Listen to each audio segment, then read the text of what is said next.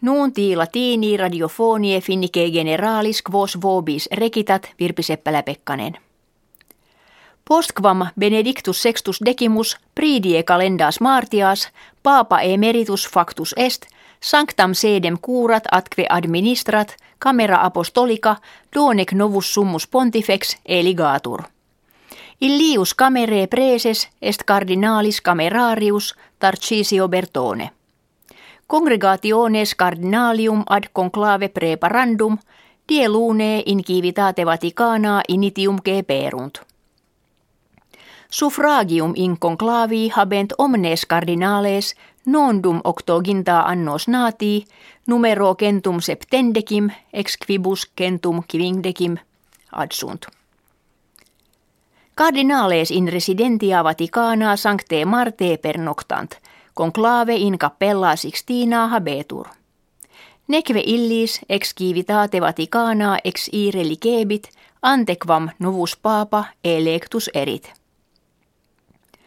Vetitum est etiam telefonulo vel interreti uti et acta diurna legere. Terre quarum representatores conclavi intersunt numerantur una et quinquaginta. Electores europei sunt sexaginta ex quibus Italii unde triginta. Ad electionem necesse est accipere duode octoginta vota sive duas tertias partes omnium suffragiorum. Veri simile est conclave inceptum iri proximo die lune mensis martii undecimo. Hugo Chavez Presidens Venezuele duode sexaginta annos natus, postquam diu cancro laboravit, die martis mortus est. Venezuele quattu ordecim annos prefuit. Mense octobri in novum presidentatum electus est, sed viribus defectus jus presidentiale non prestitit. Nova comitia presidentialia intrat riginta dies ex lege fieri debent. Germania non vult ut Bulgaria et Romania ad pactum Schengen admittantur.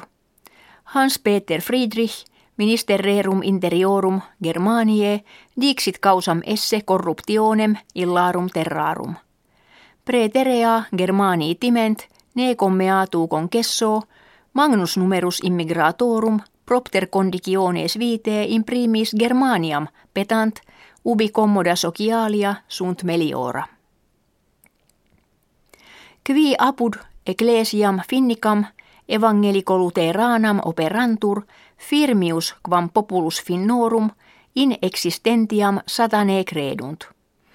Ex illis duode septuaginta centesime satanam existere firmiter credunt, tantum due centesime negant, quattuor centesime dubitant. Ex populo autem tantum una et triginta centesime satanam existere putant. Investigationes medicae ostendunt exercitationem corporis regularem non tantum tudini corporis sed etiam cerebro utilem esse. Ambulationem strenuam esse optimam memoriae medicinam. In multis studiis tam finnicis quam peregrinis notatum est hippocampum sive illam cerebri partem kve memoriam dirigeret muotui corporis regulari ita respondere ut tumeskeret.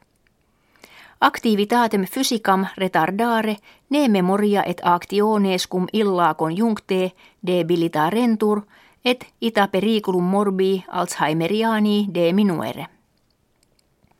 Itaque si morbis memoriae qui proprii sunt senectutis obstare volumus.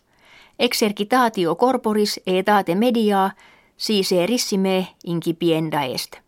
Ambulatio semi hore quinquies singulis septimanis est facile remedium. Ita fine nuntiorum facto auscultatoribus gratias agimus et valedigimus.